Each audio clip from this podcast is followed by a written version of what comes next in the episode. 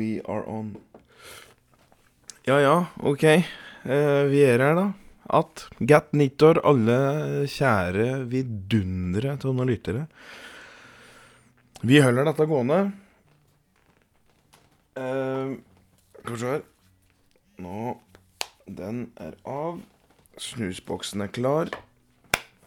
Eh, I dag, kjære folk, nok en gang Gat nyttår. Håper alle har hatt en trivelig jul. Jeg beklager og at det ikke har kommet noen julehistorie, men ja ja, slik er det. Tida strekker ikke alltid til, og ja, slik er livet. Får ikke gjort alt en har lyst til å gjøre. så slik er det. Til gjengjeld så håper jeg at mm, du kommer til å kose deg Eller ja, vi får se hvor mye du vil kose deg, men jeg håper i hvert fall at du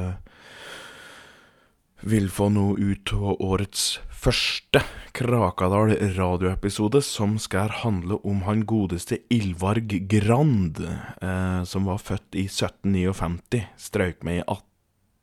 Ja, det er litt usikkert. Det er tida han strøyk med, faktisk. Eh, det er det. Eh, Ylvar Grand han var født i røverhælet under en eh, Jeg beklager igjen denne skinnstolen. Men han ble født i røverhælet eh, under en regnfull høstdag der hans far var ute og for ljåen over jordet, mens eh, eh, mor akkurat hadde kommet inn etter å ha melket kua deres, eh, Ilja. Eh, og det var da mor kjente at det var enda en unge på vei. Så hun helte over melka på en melketunne, satte bøtta under skrevet, og så lot det, presse til, helt til den lille Ilvarg datt i bøtta med et brak, eller et plask, da, for det var jo litt Det var jo litt melkeskvetter igjen, denne bøtta. eh, og da mor hun gikk da og fant ei fille, som hun drog over guttungen så blod og, og tilbehør, holdt jeg på å si, altså blod og, og det som hører med, ble borte, da. Og så helte hun over melka i bøtta igjen, sånn, eh, sånn Ildvarg fikk roa seg ned, da. Eh, og når, melk, altså når hun fylte bøtta opp igjen med melk, så skjønte jo ikke en Ilvarg dette der som nyfødt eh, helt her det var han satt i, så han syntes fortsatt det føltes ut som han fortsatt var i magen, da. Så han kobler for ikke helt det som, som nyfødt foster der, at han var nå ute i det fri. Han kunne riktig nok kjenne ljuset eh, blende dette vesle synet han hadde, men eh, du vet, han var, jo, han var jo så liten, så han visste jo ingenting om noen ting, han, vet du. Eh, han, altså, han kunne jo faktisk ha vært blind for alt det han visste. For som nyfødt, vet du, så veit han jo ikke hvordan ting ser ut, eller hvordan kroppen og den sanser egentlig funker, så Så eh, slik er det. um, uansett, da, eller ja. Hans mor trasker jo så ut, da, etter at det er å hjelpe far i huset med å høste kornet, mens Ylvar han låge att i melkespannet med ei nysgjerrig rette, altså rotte, som eneste selskap. Ylvar han satt eh, og var musestille. Han, han rørte seg ikke der han satt og døse i melkespannet. Og når hans søster Ilene kom inn i kjøkkenet, da ble hun jo stående og bare se på denne vesle babyen, som så ut til å, så ut til å njute stillheten som var på kjøkkenet. Det eneste som kunne høres, eh, det var ei flue som for rundt i rommet. Så, men retta, den krabba opp i bøtta, da, og begynte å forsyne seg forsiktig av melka. Men da Men dens liv ble brått avsluttet, når Ilene fyrte av en stein som traff en midt i skalten med spretterten sin. Ilvar han, skvatt brått når han kjente rotteblodet spruten i ansiktet, og han hørte på Han hørte at det vesle ploppet og denne hårete skrotten som nå lå i samme bitta som han satt i. Og vesle Lene var jo da Ja, hun var to år da, tenker jeg. Hun eh, sprang bort, og så velta bøtta, så både rotta og Ilvar rulle ut på gulvet. Og mor Grann hørte leven ifra huset og sprang inn, og da hun så vesle Lene trøste vesle Ylvar på kjøkkengulvet med melk flytende rundt seg og ei daud rette som, som lot blodet blande seg med melka, du ei, da vart eh, Da vart mor Grann så forbanna over den spilte melka at, eh, at hun heiste opp vesle Ilene og hang hun opp på veggen og sa at nå kunne hun bare vente til far kom hjem igjen. Eh, og du skal vite at der måtte hun henge fram til far kom hjem igjen òg. Så Så eh, Mor Gran hun forlot Ildvarg på gulvet, skrikende sammen med retta i melka, og gikk ut for å fullføre kornhøstinga. Og da sola var gått ned, kom både mor og far Gran inn igjen i huset. Mor tok først og hekte ned Ilene og sendte henne bort til sovekroken der far hennes ventet. Og så gikk hun og plukket opp en ildvarg og satte seg da til å gi han mat. Uten å vite her det var som hadde satt seg i huget, så skulle det vise seg i seinere tid at det var At det faktisk var Ilenes skrik ifra barndommen av at en Ildvarg Han skulle aldri glemme dette her. Hennes eh, skjærende skrik for hvert slag far deres eh, ga ho, der han lå og ble fòret av sin mor mens hun da sjæl lå og fikk juling av sin far.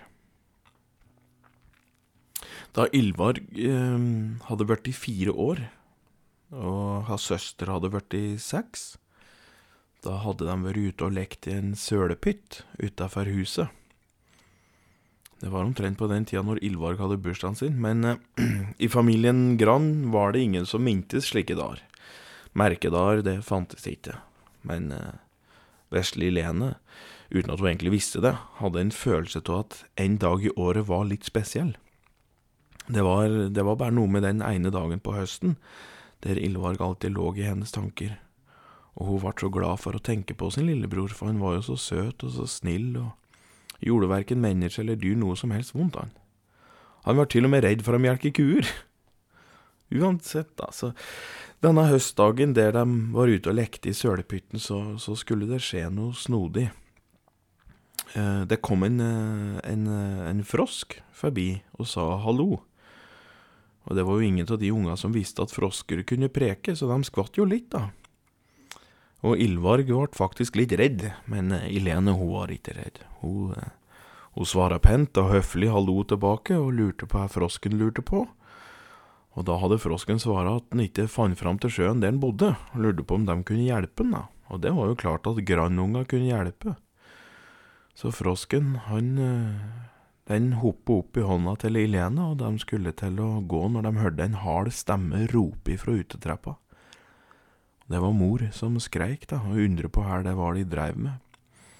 Begge to snudde seg, og Ilene la den høyre hånda si der frosken var bak ryggen, um, og sa at de ikke dreiv med noe annet enn å leke. Mor Grand trodde ikke på dem, og kom marsjerende bort til Ilene og Ilvarg, og Ilvarg kjente at han ble redd. Men Helene hun sto rak som ei påle og lea ikke en muskel i verken ansikt eller skrått. Gi meg hånda di, sa mor, grand. Nei, svara Ilene, og da kom det en ørefik så hard at en kunne høre det smalt videre inn i skogen. Enten gir du meg hånda di, eller så blir det knaggen så du får henge der til far kommer hjem igjen, sa mor Gran. Ikke gi ho hånda di, kvepte en stemme bak ryggen til Helene. Ti still, frosk, hvisker Ildvarg. Frosk? Har du en frosk i neven? hoier mor Gran ut. Nei, skreik Helene og skulle til å springe da, idet mor Gran ga henne en skikkelig ørefiks så Helene mistet balansen og datt på bakken. Ilene satt på bakken og så på bror sin og ba om tilgivelse, og Ildvarg sa jeg tilgir deg alltid, siste mi, men, men frosken er kanskje ikke like grei. Hun åpnet nevene og så på froskekadaveret og sa, Tilgi meg, frosken, det var ikke meninga. Fy for noen grisunger du er, hoie mor Gran og tok begge unga i øra og ledet dem inn i seng. Det skulle ikke bli noen kveldsmat den dagen der. Ildvarg han lå ofte om kvelda og, og tenkte, drømte seg bort. Og uansett her han tenkte på, så var hans søster der med han. De to kunne finne et eh, eget hus uten mor og far, det hadde vært fint, tenkte han, og ingen skulle få slæ søstera hans noe mer. og de kunne lage en egen sjø der alle frosker i verden kunne få bo. Ja, drømmen var mange hos lille Ildvarg, men da Ildvarg var sju år, var det noe som skulle skje, som gjorde at eh, alle hans drømmer skulle svinne hen da, i et så dystert merke at sjæl ikke fanden ville våge seg ned i det for å hente de opp igjen. Ilene og Ilvarg var ute i skogen og leite etter mat til, eh, til far deres, da. Til han skulle eller, leite etter mat til far i hvert fall skulle komme hjem igjen. Og de hadde lovt det at det, det skulle bli harepus da, til middag. Men denne høstdagen var merkelig, for det var ingen hærer å se. Elene kjente på den følelsen av at hennes bror eide denne dagen de nå var inne i, ikke sant, som vi pratet om tidligere. Hun hadde en liten følelse på høsten. Der hun alltid tenkte at denne, ikke sant, så hun, hun gikk i skogen og følte at denne dagen tilhører bror hennes. Eh, og hun ville at, uh, hun ville at uh, Ylvar skulle få noe fint, da, denne dagen her. Så, så hun ba Ylvarg om å gå litt rundt i skogen på egen hånd. Så skulle hun gå en annen vei, så kanskje de ville få tak på noe, da. Så med hver sin sprettert vandret de rundt i Krakadalens skoger og så jakte. Men Elena hadde en annen plan. For Elene hadde nemlig stjålet noe av skillinger fra foreldra deres, i tilfelle Ylvarg noen gang skulle måtte trenge noe. Om det var at han ødela buksa eller skjorta si og trengte noe nytt, da. Eller om han trengte ny kniv en gang, for han var jo ikke, han var ikke så flink med knivbruken sin ennå. Men Ylvarg, vet du, han var jo så ordentlig, så Ylvarg han behandler klærne sine så forsiktig, så forsiktig. For hans mor hadde jo sagt at hvis han ødela klærne sine, så måtte han gå rundt naken her enda dag, og da vinteren kommer, ja, da vil han fryse i hjel. Og far hadde jo sagt at om han noen gang ødela kniven sin, så skulle far Gran sjæl ta og skjære av fingra til Lillvarg, slik at han aldri mer skulle kunne ødelegge noe som helst kniv. Eller ødelegge noe som helst, for den saks skyld. Så Ildvarg han ba aldri om noen ting. Under middagen så spurte han aldri om en porsjon til, sjøl om han fortsatt var mer sulten, for eksempel. Han spurte aldri om en ekstra bolle med havregrøt om han var ekstra sulten, eller en brødbit til, eller noen ting som helst. Ylvar han spurte aldri om mor eller far kunne hjelpe han å lappe sammen skoa han hadde slitt ut, til tross for at skoa var altfor små og fotbladene dem stakk jo ut. Ylvarg sa aldri noen ting. Så i dag, da, på dagen som Ilene følte tilhørte Ylvarg på et vis, så skulle hun kjøpe noe ordentlig fint til Ylvarg mens han var ute og jakte på hæra. Ilene vandret til den lokale kjøpmann og kjøpte en sjokoladeplate med åtte ruter i, en kurv med druer som en spanjol som heter Saul hadde tatt med seg på gjennomreise. Men du veit, en spanjol i Krakadalen på denne tida, det ble jo sett på som en kjeltring og drapsmann, vet du, så noe druer var det jo ingen som våget seg å ete der. Og kjøpmannen tenkte at det riktignok var synd da om jentungen skulle ete druer og så, og så dø, men samtidig så sto det jo dårlig til med butikken og han trengte penger, så han lot henne få kjøpe seg druen, da. Og Ilene hun sprang tilbake til skogen og ropte på Ilvarg, som dukket opp etter ei lita stund med hele to harepuser i beltet sitt. Og stolt som tusen var han. han. Han var så blid der han kom. Om han var gammel eller ung, så det var nesten litt vanskelig å definere der han kom, for han mangler jo han mangler fire tenner da, på oversida, inkludert uh, fortenna, og så tre tenner på nedsida. Og dette tannløse gliset, det Ja, det gjorde Helene ganske glad, da. Tenk at dette er min lillebror, tenkte Helene da. Han kommer til å bli en fin mann når han blir stor. Ildvarg satte seg ned og lurte på hva det var hun ropte etter, da, og Helene ba han sette seg pent ned og blunka til øynene sine. Og Ildvarg, han var spent og gjorde som han sa. Og så ba, ba hun han da om å gape opp, og så la hun først noe hønsemekk og plukke opp som uh, Hun hadde plukket opp litt hønsemekk etter veien, så, så hun la litt hønsemekk på tunga hans, da. Og guttungen han spratt opp og hosta og harka og fant en kvist som hun skrapet tunga si med. Hei, gjør du Hei, gjør du, Sistel? Fissekatta Sistel? smaka, smaka mekk.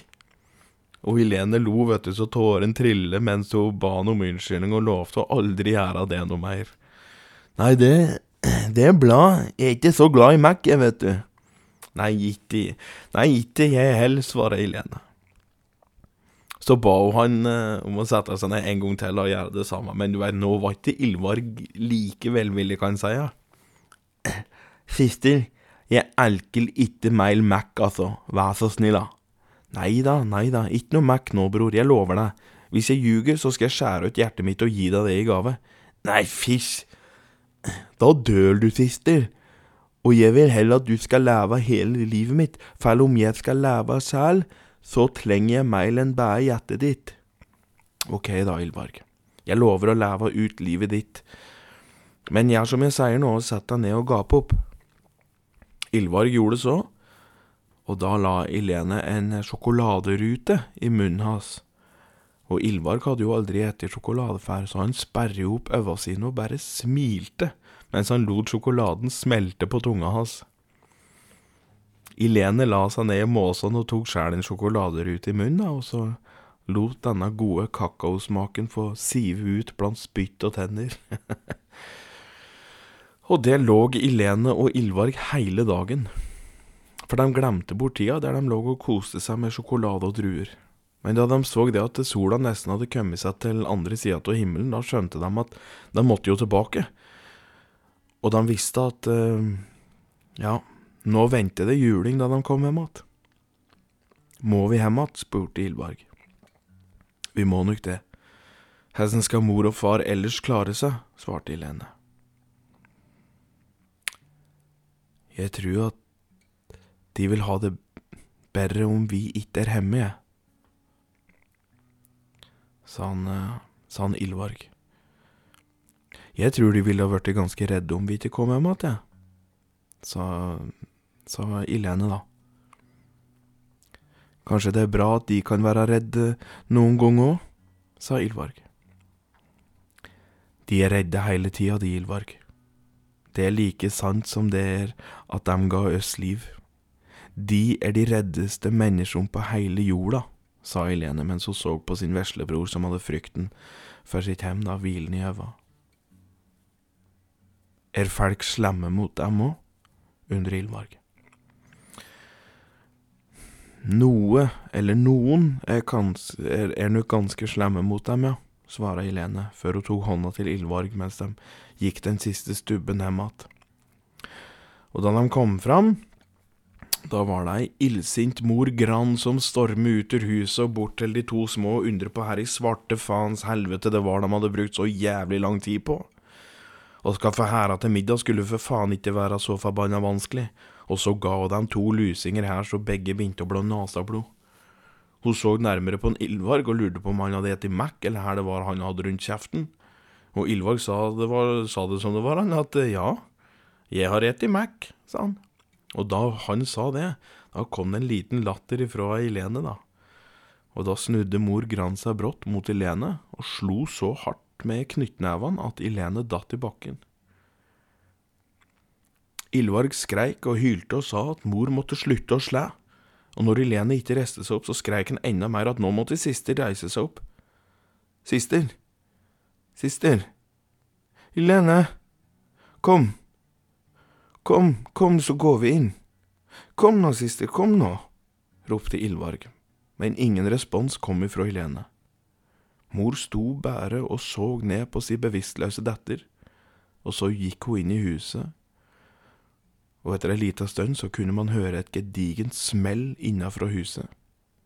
Ildvarg skvatt til så han nesten ikke klarte å puste, så kunne han høre sin far skrike og bære seg innafra.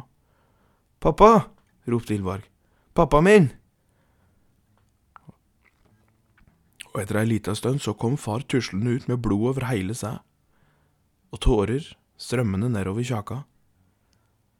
Han stelte seg over sin sønn og sendte et forsiktig blikk over på sin livløse datter som lå der så rolig, så rolig. Han satte seg på kne framme av Ildvarg og ga han en stor klem, og mens han ga Ildvarg en kos, så tok han sin venstre hånd og tok fatt i hånda til Ilene. Og han kunne kjenne at blodet hadde stoppet å sirkulere, og han kjente den vesle hånda hennes bli kald og stiv. Men han klarte ikke å slippe av verken Ildvarg eller Ilenes hånd.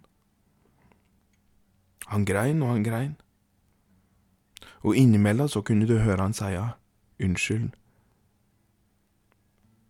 unnskyld, og hjelpe.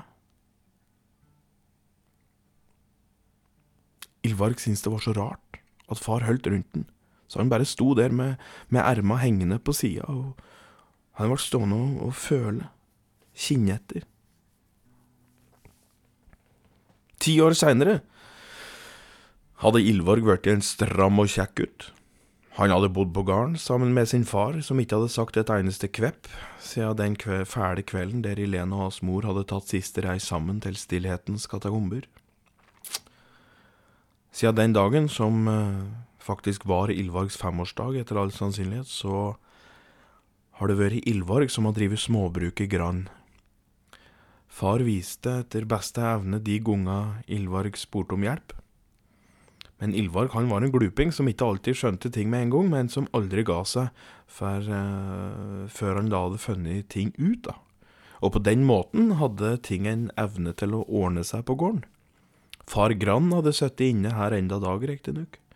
Han brukte å stå opp klokka sju, og da sprang han ut i Krakadammen og væske seg før han sprang hjem igjen, drakk kaffe fra klokka halv åtte om morgenen til halv fem om eftan. Så drakk han noe brennevin som regel fra halv fem om eftan til halv tolv om kvelden, og så la han seg. Det sa aldri et eneste ord. Og som nevnt, når Ylvarg spurte om hjelp, da bare reiste far seg opp og ble med ut og viste ting uten å formidle noe som helst mer eller mindre. Og det året, når Ylvarg var 15 år, så skulle far hans òg dø.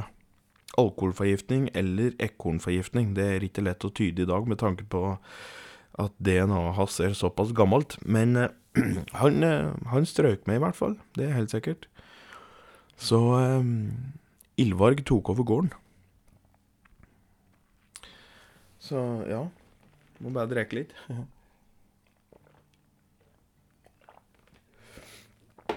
Ildvarg hadde absolutt ingen sosiale forhold overhodet. Det hadde han aldri hatt, utover det han hadde i barndommen med sin søster, og um, det han hadde med sin far og mor. Han har knapt nok aldri sett et annet menneske gjennom hele sitt liv, og dagom brukte han fortsatt til å drømme seg bort og fantasere. Eneste var at eh, der han tidligere drømte om å rømme med sin søster, så var nå ansiktet på søster visket bort til et ansikt som var forskjellig fra hver gang han drømte seg bort.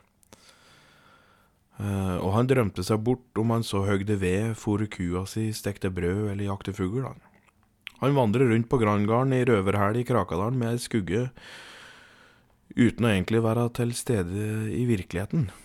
Han bare vandrer rundt i sine egne drømmer.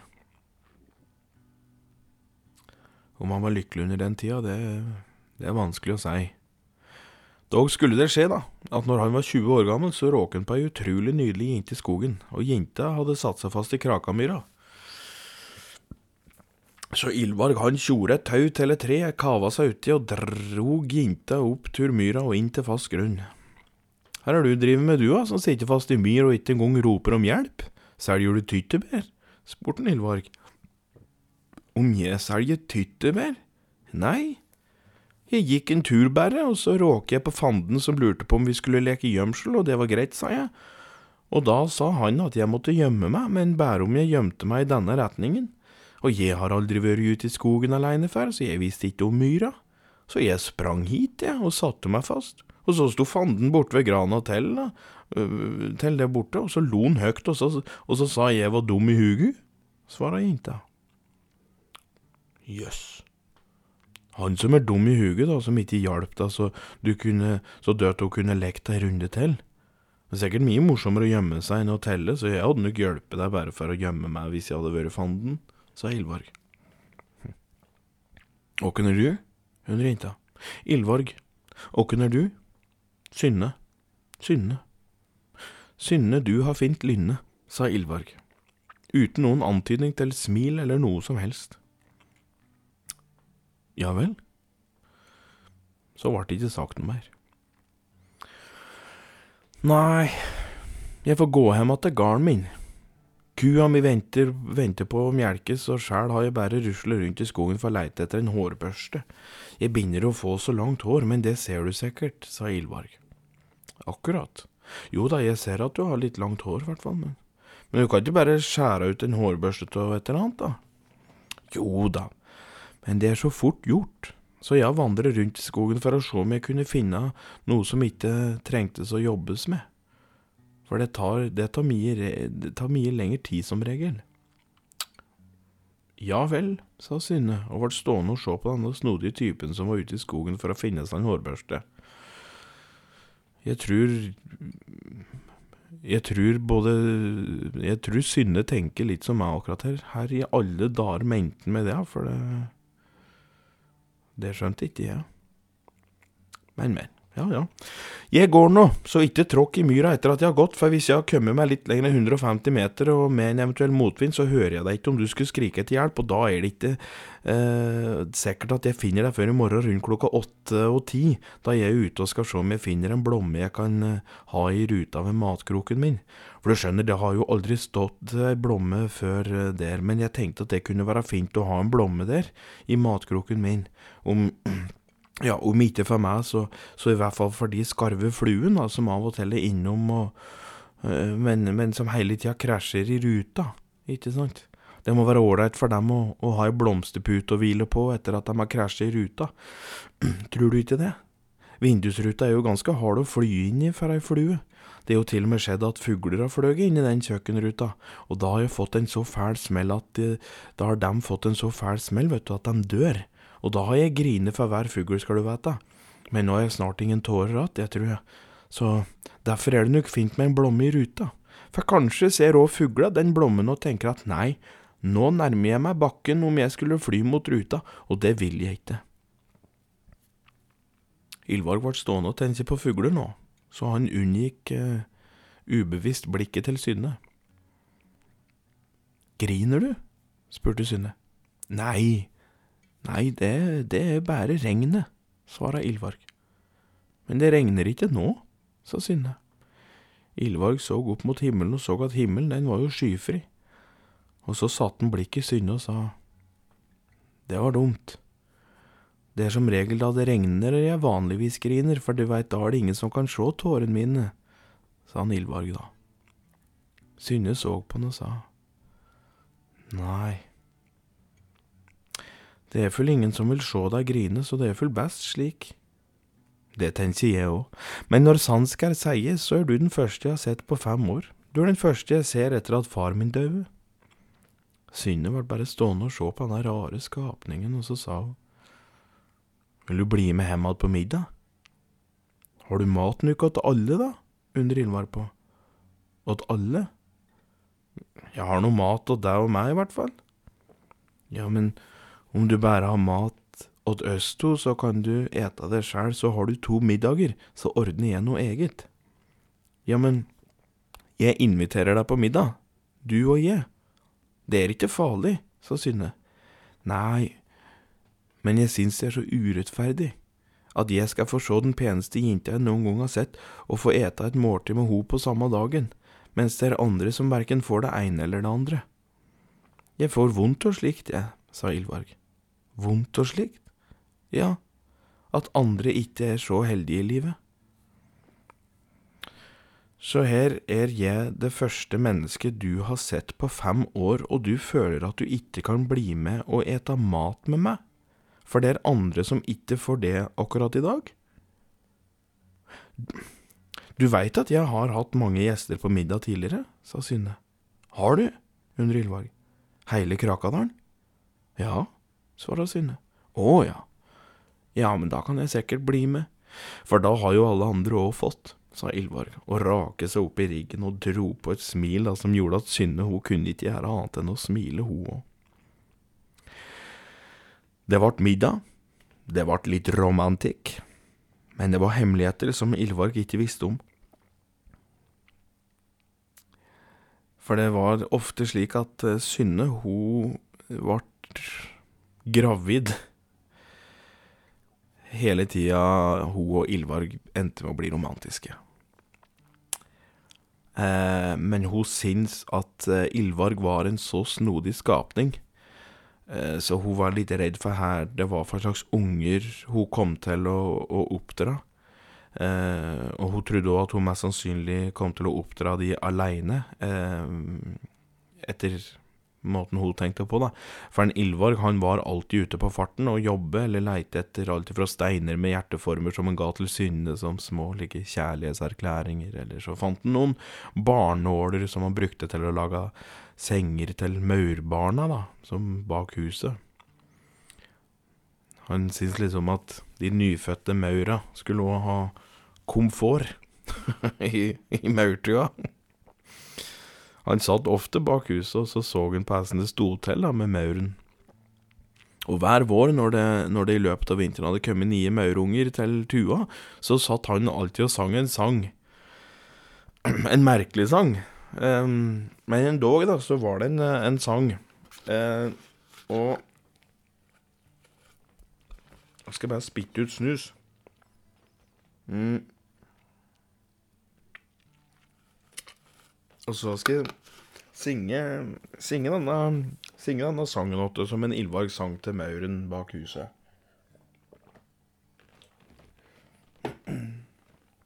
Den gikk eh, Den gikk eh, slik, da.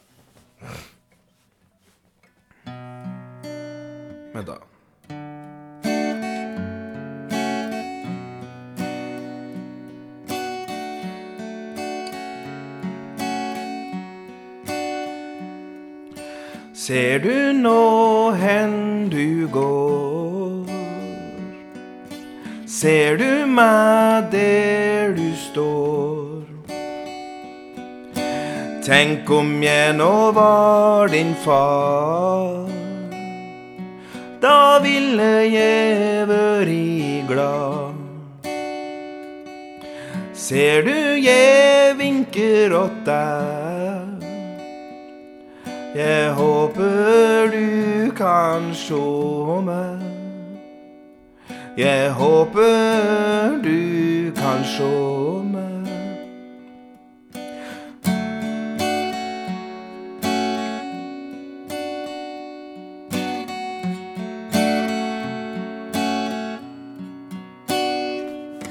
Ser du hen jeg står? Ser du nå hen jeg går?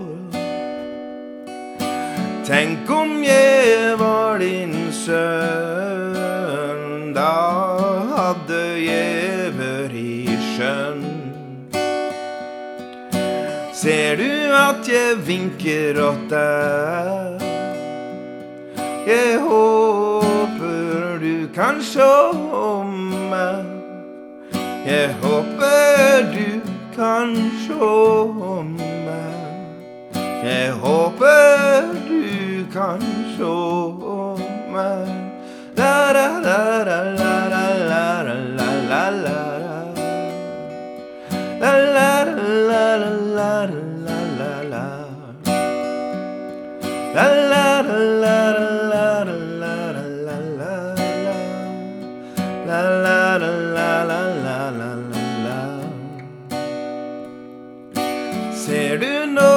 hen du går?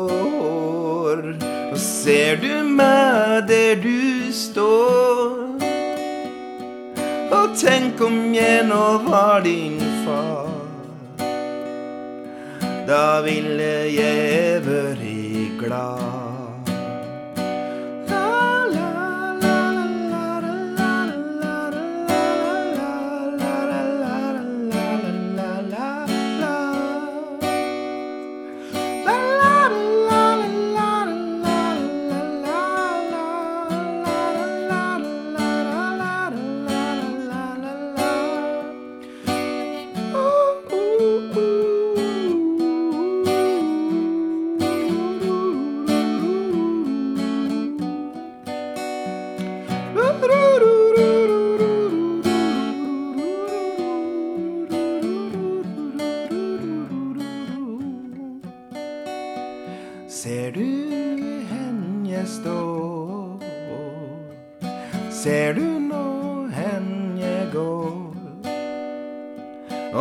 Tenk om jeg var din sønn.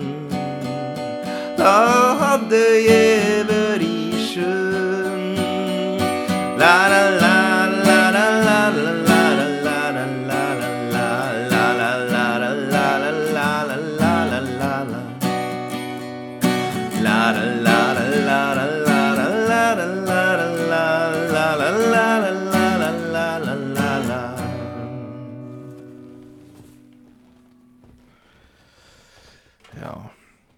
kan jo tru at Synne syns at dette var ganske rart.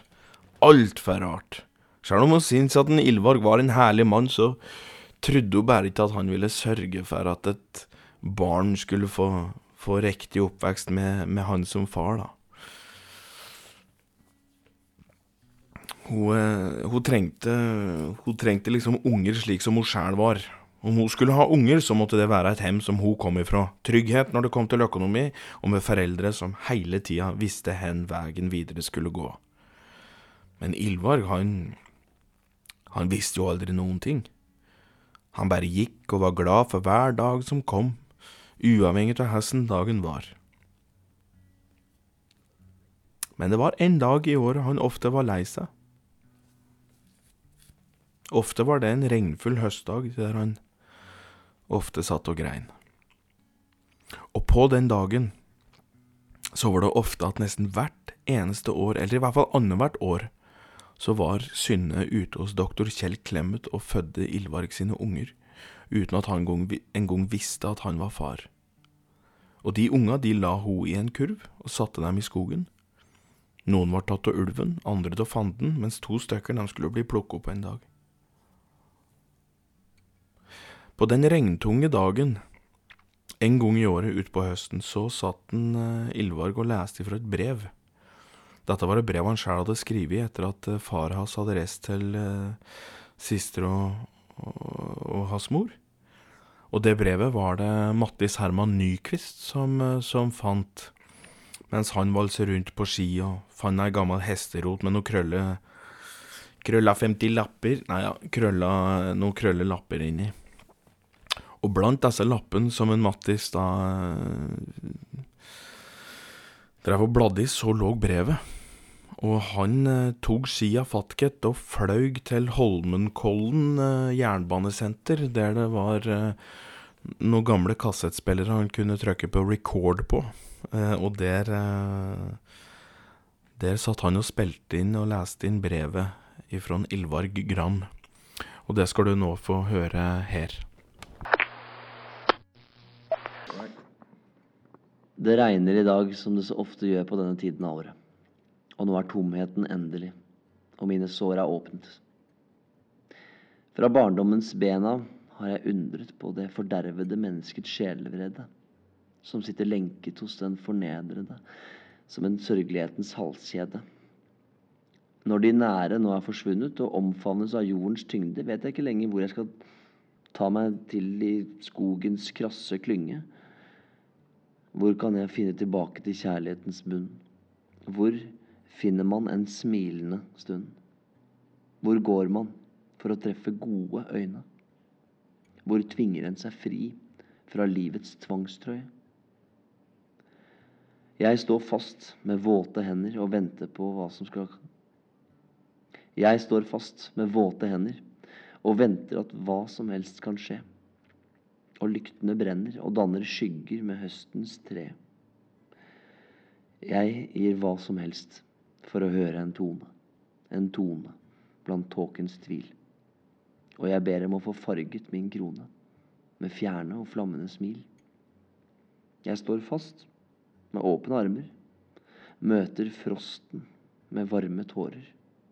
Drømmer er gjemt fast her inne. Jeg finner dem ei lenger, for jeg leter i blinde. Min søsters mot sto fram i naturen, sto rak i skogen og var ubevisst. Lengselen er uren og råtner brått blant hengeløv og kvist. Min mors hover satte spor i jorden, hardt i sommerens klede og ondartet. Lengselen er tom som torden, og visner snart på gården der alt startet. Min fars ansikt fryste fast i et mareritt fryktinngytende i regnets dråper og tomt. Lengselen er som avsnitt og skremmer meg voldsomt. Jeg kvier meg for kveldene, for da ser jeg ingenting. Og drømmene Jeg kvier meg for kveldene, for da ser jeg ingenting. Og drømmene jeg en gang hadde, er forsvunnet i aldring. Det er ingen vits i å be. Det har jeg funnet ut. For til hvem skal man be om noe som helst? Ingen kan gi meg det som er tapt. Ingen. Ingen kan lappe sammen innvendig sår. Det er bare sånn det er. Og jeg er ikke dum. Selv om min mor mente så. Så tenker jeg det var heller hun som overvurderte hva en femåring er i stand til å tenke. For tankelesing har aldri vært min sterke side. Faktisk har det vært en side jeg aldri har maktet, ei heller vet jeg om noen er i besittelse av tankelesning. Om tilfellet hadde vært slik, så hadde jeg vel Om tilfellet hadde vært slik, så hadde vel livet vært for enkelt. Vært enklere å mestre. Men på den tiden som femåring var selv å skjære kjøttet opp for egen hånd en stor mestring. Så hvordan det kunne forventes at jeg skulle se min mors sorger, er for meg vanskelig å forstå. Selv i fars taushet fant jeg ei roen til å finne ut av hvem som Selv i fars taushet fant jeg ei roen til å finne ut av hvem han var langt der inne. Han satt der med likkledd blikk, uten noen som helst vilje til å se sin sønn gjøre et forsøk i å gjenskape et liv. Og til stadighet feiler jeg i det familiære. Jeg feilet som sønn i barndommen og svikter som sønn selv den dag i dag. Og nå som det alle er borte, vet jeg ikke hvordan jeg skal kunne rette opp noe som helst av hva som gikk feil. Hvorfor jeg skriver dette, vet jeg ikke. Men det er vel slik at når man ikke har noen å snakke med, skriver man ned sine tanker i håp om at en eller annen dag så vil noen plukke opp ens ord og ta det til seg. Der ingen lytter, ser man. Der ingen ser, lytter man. Men hvordan lytte til den man ikke hører? Hvordan se den man ikke ser? Ikke vet jeg. Til hvem det nå er som måtte finne dette brevet. Takk. Vær så snill, ikke brenn det. Ylvar Grand, 13. oktober 1774. Ja, det var uh, Mattis Herman Nyquist. Den uh, Ja. Gladlaksen fra Moss, er det full? Ja, nå ble jeg usikker. I hvert fall topp fyr. Topp fyr. Um, uansett. Jeg sier jævlig mye uansett i denne podkasten, jeg merker. Uansett, uansett. Fy faen, dette må jeg faen meg slutte med, oss. Helvete. I hvert fall Ikke at det hjelper noe. Fy faen. OK, OK, ok, skjerpings. Når Ildvarg var noen og 30 år, og Synne hadde jo år etter år plassert unger ute i skogen, så var det en dag at en Ildvarg vandret rundt på jakt etter måsa som de kunne ha til utedassen. Og den dagen, det var den dagen at nøkken bar sin røst med vinden og inn mot land, og blant trea så kunne du høre sørgetunga hans seia.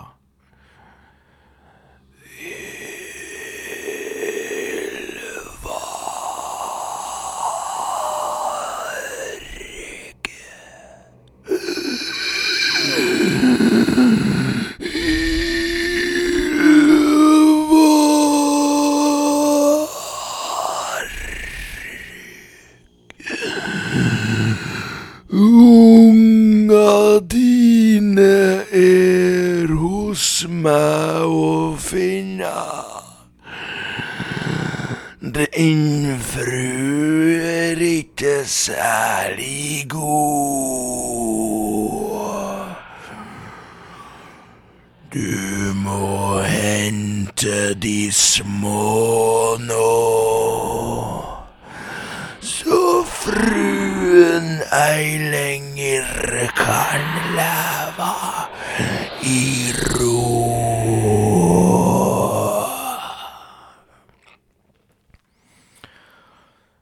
Ylvarg stussa over røsten, men lot dette fare. Men da han kom, eller da han var på vei hjem igjen, plutselig eh, Var på vei hjem igjen, så, så så han plutselig noen bitte små skikkelser som sto på vannet i Krakasjøen. Han gikk nærmere vannkanten og syntes han kunne skimte åtte bitte små menneskeskrotter som sto oppreist på vannet. Øva deres juste i skumringen, og Ylvarg satte seg til eh, eh, Satte ned til knes i frykt, og han var livredd. Han, han, han var ikke sikker på om, om han helt klarte å tro det han nå så. Og så hørte han røsten en gang til, denne seige og vonde røsten som sa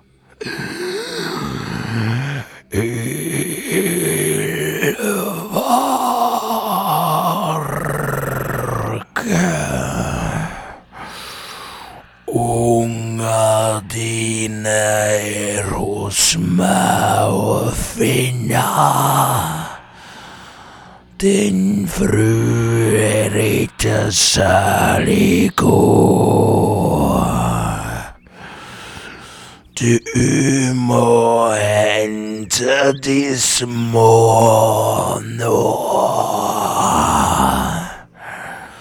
Så fruen ei lenger kan leve i ro.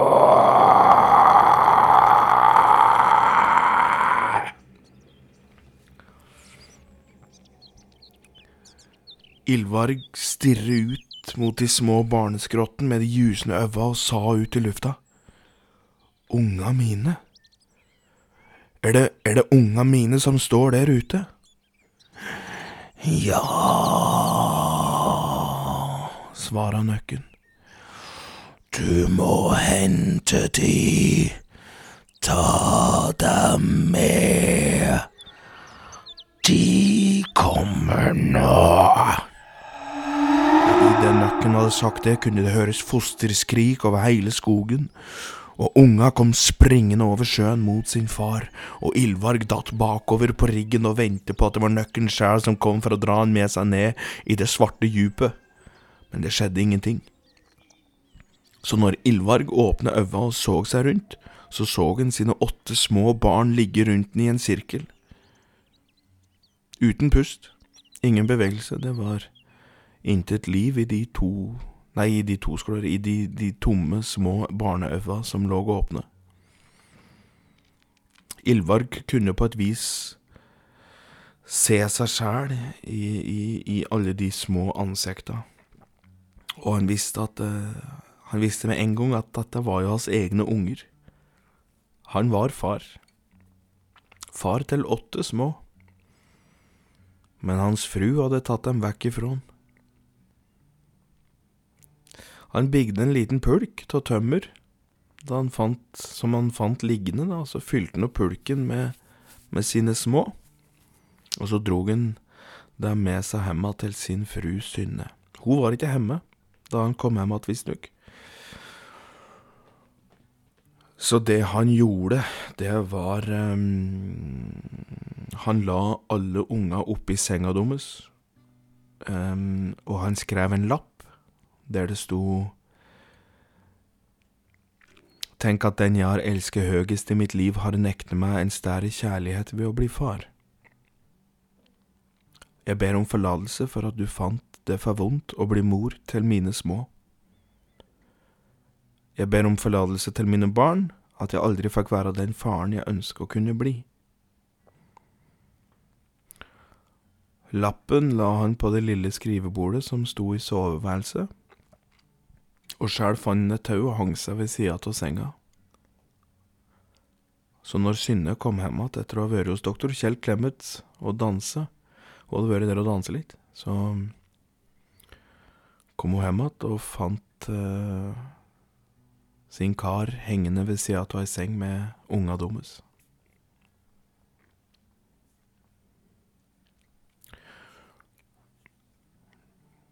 Og slik ender en av Krakadalens kanskje aller mest sørgelige historier noensinne.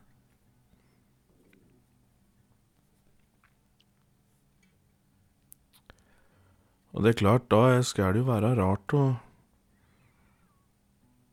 på en måte ønske alle en trivelig kveld videre, men Men eh, jeg ønsker jo det lell. Jeg ønsker jo virkelig at, eh, at du skal ha det fint videre i kveld, og at du har det har det òg bra hjemme med deg sjæl, på en måte. og ja. men ja, tida Tida tar tak, og vi må, vi må, vi må, vi må være Vi må være flinkere med hverandre. Både de innenlands og de utenlands. Så Ja. Ha i hvert fall ei trivelig Trivelig Trivelig uke, helg, her som helst videre, og så høres vi om ikke så altfor lenge. Takk for at du var med i dag, og tusen hjertelig takk til Mattis Herman Nyquist, som eh, var med og var brevleser i dag. Og ja Ha det godt.